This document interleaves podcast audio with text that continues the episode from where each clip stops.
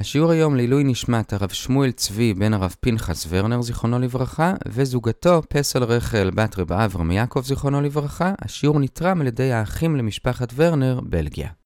שלום לכולם, אנחנו לומדים את דף י"ג בבא בתרא באתר c9.org.il, דף יומי של 10 דקות. דיברנו בדפים האחרונים מה המינימום בשביל ששותף אחד יוכל להכריח את השותף השני לפרק את השותפות. למשל בחצר, צריך שהחצר תהיה מספיק גדולה שלכל אחד יהיה ד' אמות בחצר, חוץ מהד' אמות שהוא מקבל בשביל הפתחים שלו. עכשיו נדבר על מה קורה כשבאמת אי אפשר לחלק. למשל, בחצר קטנה מדי, אבל צד אחד ממש לא רוצה להמשיך את השותפות. מה הוא יכול לעשות? אז יש אפשרות שנקראת גוד או איגוד. כלומר, או שתמכור לי את החצי שלך, או שאני אמכור לך את החצי שני, העיקר שלא נמשיך ביחד. אז האם אומרים גוד או איגוד או לא? רב יהודה אומר שכן, רב נחמן אומר שלא. עוד פעם, שנזכור, רב יהודה אומר שכן אומרים גוד או איגוד, רב נחמן אומר שלא. ועכשיו נביא אוסף של מקרים שבהם אין אפשרות לחלק, ונביא ראיות לכאן ולכאן האם באמת אומרים גוד או איגוד או לא. עכשיו, הדוגמאות שנביא שאי אפשר לחלק, זה או כמו שאמרנו שמדובר במשהו קטן מדי, כמו חצר קטנה או שדה קטנה, או שמדובר במשהו שפשוט אי אפשר לחלק אותו, כמו עבד למשל, אי אפשר לחלק עבד, או שמדובר שהם שותפים, למשל שהם ירשו שני דברים שונים, ואז אי אפשר לתת אחד לזה ואחד לזה, כי מדובר בשני דברים שונים, אז גם שם זה מצב שאי אפשר לחלק. אז נראה את הראייה הראשונה, הראייה הראשונה היא לטובת רב יהודה. אומר רבא, הרי אם יש יתומים שירשו עבד או בהמה טמאה, שכמו שאמרנו זה דבר שאי אפשר לחלק אותו, אז מה תעשה אם לא גוד או איגוד? האפשרות היחידה להתמודד עם זה זה גוד או איגוד. אז זה ראייה לרב יהודה שיש גוד או איגוד. אומר רב נחמן, לא נכון, אפשר לפתור את זה בצורה אחרת. פשוט לא נחלק את העבד עצמו, אלא נתחלק בימי העבודה. אז אם אחד מהאחים בכור והשני לא בכור, אז הבכור יקבל יומיים והלא בכור יקבל יום. ולא חייבים לומר שיש גוד או איגוד. ובדיוק באותו נושא הגמרא דווקא מביאה ראייה הפעם לרב נחמן. מביאה הגמרא מייטיבי ממש באמצע העמוד, כתוב שמי שחציו עבד וחציו בן חורין, למשל שהיה עבד כנעני שהיה שייך לשני שותפים, ואחד שחרר אותו. אז כרגע חציו עבד וחציו בן חורין. אז איך העבד עצמו והבעלים על החצי השני שלו מתחלקים? אז בית הלל אומרים שמתחלקים בימים, בדיוק כמו שרב נחמן הציע לפני רגע. בית שמאי אומרים שזה לא טוב, אבל מסיבה צדדית, כי אז העבד הזה לא יוכל להתחתן. כי החצי עבד שלו חייב להתחתן עם שפחה, והחצי יהודי שבו יכול להתחתן עם יהודייה, אז הוא לא יכול להתחתן עם אף אחד. לכן כופים את רבו לשחרר אותו בשביל שיוכל להתחתן, וגם בית הלל הסכימו לזה. אבל רואים שמצד הדין, מה שעושים זה מתחלקים בימים, ולא אומרים גוד או איגוד. אז הנה ראיה לרב נחמן דווקא. מתרצת הגמרא לפי רב יהודה, שמה זה מקרה מיוחד. שמה אי אפשר להגיד גוד או איגוד, כי גוד או איגוד זה דווקא כשזה הדדי. כלומר, שצד אחד אומר לצד השני, או שתמכור לי, או שאני אמכור לך. אבל שמה, הרי העבד לא יכול לומר לאדון שלו, או שאני אהיה עבד לגמרי, או שתשחרר אותי לגמרי, כי הוא לא יכול להיות עבד לגמרי. החצי שהפך להיות יהודי לעולם לא יוכל לחזור להיות עבד כנעני. לכן, כיוון שזה לא הדדי, אז האפשרות היחידה שם זה להתחלק בימים. אז זה ראייה ראשונה לטובת רב נחמן, ודחינו אותה. עכשיו נראה עוד ראייה לטובת רב נחמן, שלוש שורות לפני הסוף. אם יש שני אחים, עשיר ועני, והם ירשו בית מרחץ או בית בד, כאלו שאי אפשר לחלק אותם. אז אומרת הברייתא, אם אבא שלהם היה משתמש בדברים האלו לשכר, אז אין בעיה, שישכירו את זה גם הם ויתחלקו בשכר. אבל אם הוא היה משתמש בזה בעצמו, אז גם הם צריכים להשתמש בזה בעצמם. עכשיו, לעני אין זיתים לשים שם, אז מה הוא יעשה עם זה? אז הוא היה רוצה בטח לעשות גוד או אבל הברייתא לא אומרת גוד או היא רק אומרת שהעשיר אומר לעני, אני מצטער, אני מבחינתי מתחלק בימים איתך. אז רואים משם שאין את הפתרון של גוד או איגוד, רק את הפתרון של חלוקה בימים. מתרצת הגמרא לפי רב יהודה את אותו תירוץ שאמרנו לפני רגע. גם שמה זה לא הדדי, כי הרי העני לא אומר לעשיר, או שתמכור לי, או שאני אמכור לך. הוא רק מציע למכור, כי הרי אין לו כסף לקנות. אז ברגע שהבקשה של גוד או איגוד היא לא הדדית, אז אין גוד או איגוד גם לפי רב יהודה, ומתחלקים בימים. אז בינתיים ראינו טיעון אחד לטובת רב יהודה, שאיך נחלק עבד אם לא על ידי גוד או איגוד, אבל אמרנו אפשר לחלק לפי ימים. ואז באמת הבאנו שתי ראיות לטובת רב נחמן שאין גוד או איגוד, ממקרים שבהם מחלקים לפי ימים, אבל דחינו אותם ששם זה לא גוד או איגוד הדדי. אבל באמת, אם זה הדדי אז אולי כן יש גוד או איגוד. ועכשיו אנחנו בשורה השלישית בעמוד ב', נביא עוד ראייה לטובת רב יהודה. וכדרכה של גמרא, בדרך כלל הראיות מתחילות ממקרים יותר רחוקים, עד שפתאום מביאים מקרים מפורשים לגמרי לגבי הסוגיה שלנו. אז אומרת הברייתא במפורש, כשאי אפשר לחלק, מעלים בדמים. מה זה מעלים בדמים? זה גוד או איגוד. או שתקנה או שתמכור. אז הנה ראייה מפורשת לטובת רב יהודה.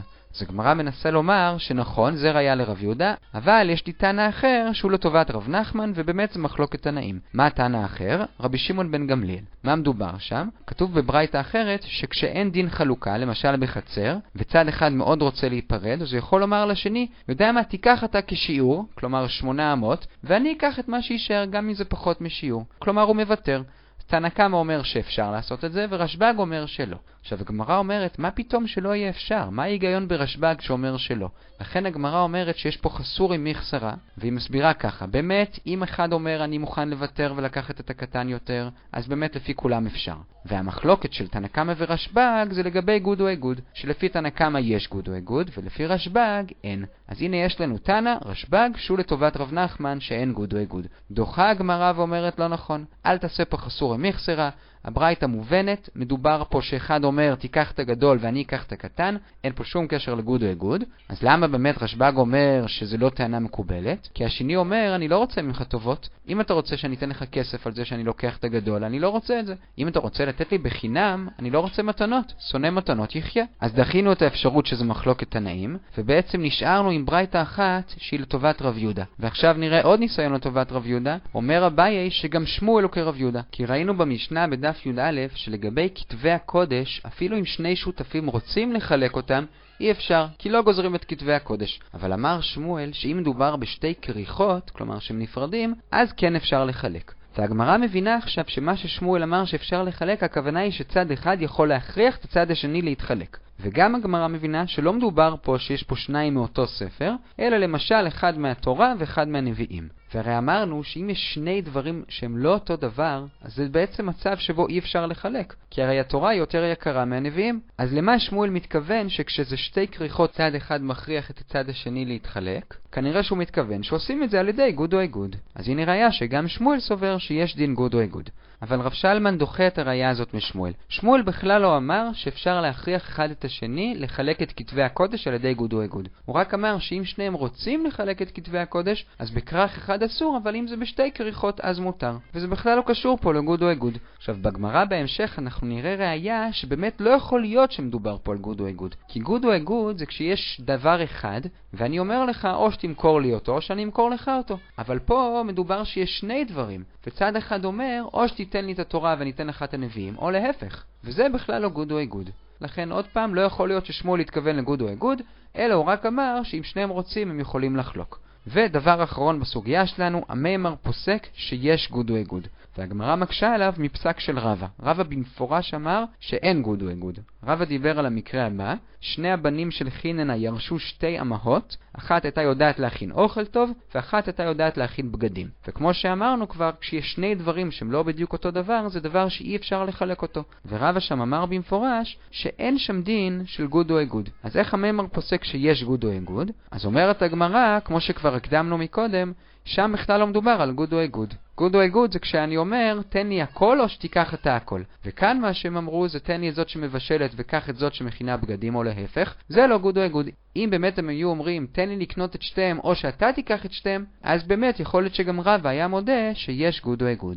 והגענו ל-13 שורות לפני סוף עמוד ב', ועכשיו, כיוון שהזכרנו כבר את החלוקה של כתבי הקודש, הגמרא עוברת לדון במבנה של ספר תורה ושאר כתבי הקודש. אז הגמרא מביאה ברייתא שקודם כל דנה האם הספרים השונים היו מחוברים יחד או שכל אחד בנפרד. אז נראה שלוש דעות. דעה ראשונה רבי מאיר אומר שאפשר שכל התנ"ך יהיה ביחד. דעה שנייה רבי יהודה אומר שצריך הכל בנפרד, כלומר תורה בנפרד, נביאים בנפרד, כתובים בנפרד. וחכמים עוד יותר קיצוני אומרים שבנביאים ובכתובים צריך שכל ספר יהיה בנפרד. כלומר יהושע בנפרד, שופטים בנפרד וכן הלאה. אז זה הדעות, עכשיו מה נהגו למעשה? אז הגמרא מביאה מעשה של בייתוס בן זונין עם שתי גרסאות, או שהיה לו בנפרד את כל הנביאים, או שהם היו ביחד. רבי מספר שהיה מעשה שהם הכשירו כשכל התנ"ך היה ביחד.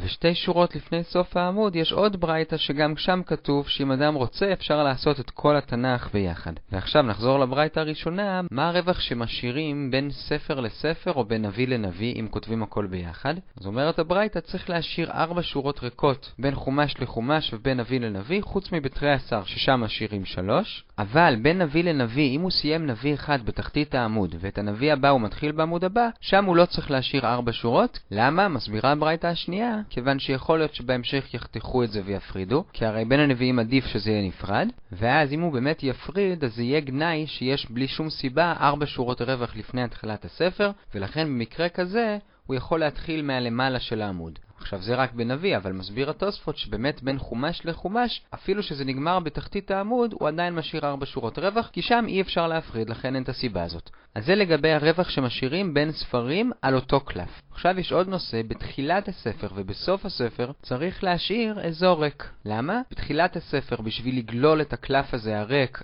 על העמוד שעליו גוללים את הספר, ובסוף הספר צריך להשאיר אזור ריק יותר רחב, בשביל שכשהספר יהיה גלול, אז יהיה עוד קלף שמסובב את כל הספר, וככה הקלף החיצוני זה לא קלף שיש עליו כתב, אלא קלף ריק. עכשיו זה כתוב בברייתא השנייה, שתי שורות לפני סוף עמוד ב'. בשורה השנייה בי"ד הגמרא מביאה ברייתא אחרת, ששם משמע שהרווח שמשאירים בהתחלה ובסוף הוא אותו רווח, ולא שבהתחלה יש רווח קטן יותר ובסוף רווח גדול יותר.